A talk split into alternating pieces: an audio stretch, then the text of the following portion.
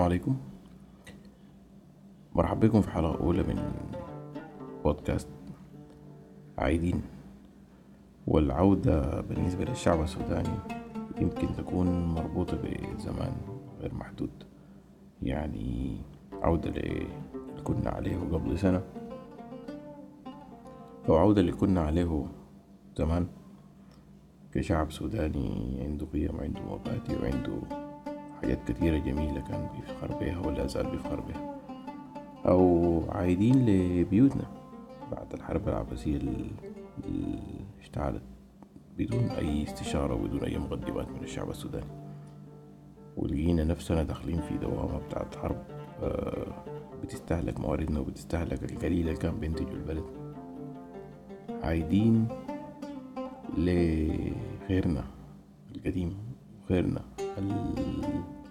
اللطيف كان بيخلي الحياة ممكنة في بلد زي السودان بلد غني موارده كتيرة لكن فرصه قليلة لإنسانه. الإنسان السوداني والعودة لحتة أحسن. العودة بعض مرات بتكون بالنسبة للإنسان هي الحياة. الإنسان اللي يسبح أو بيعوم لما يفارق الشط ويبدأ في رحلة في أمواج تاخده وتوديه وكده ده أشبه بالوضع اللي عليه الشعب السوداني الآن في, في التيه وال وال وال وال والسفر اللي اتفرض عليه كلجوء وتهجير من دياره.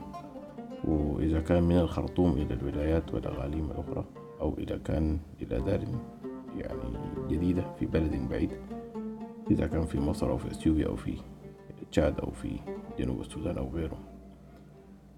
آه، ده التيه.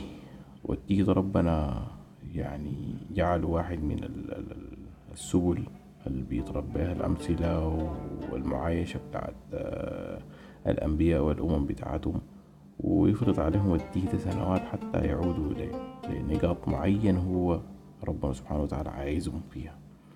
فلما نقيف من بعيد ونعاين المشهد ده ليه نحن نكون في الحتة دي؟ وليه نحن كشعب سوداني تفرض علينا هذه السيناريوهات من التيه والبعد والبطش وال والرعب والسيناريوهات اللي نحن عايشينها دي ما سيناريوهات طبيعية ما حياة ممكن تتنبأ بها تقول والله أخي آه إذا حصل كده أنا هعمل كده. لا أبدا. فالعودة للنقطة بتاعت إنه أنت آه كنت في أمان وفقدته بسبب لا يد لك فيه. ال ال ال الخيار ده ما خيارك وفي نفس الوقت الحرب دي ما حربك و... والانتظار أيا كان الانتصار لطرف من الأطراف في النهاية هو آه ما حيكسبك إضافات بل أنت حتكون راجع لأرض وبيت آه نوعا ما فقد كثير من مما يملك يعني. وأنت ذات نفسك فقدت كثير من مالك ومن استقرارك ومن حصاد السنين ونهب منها ما نهب و...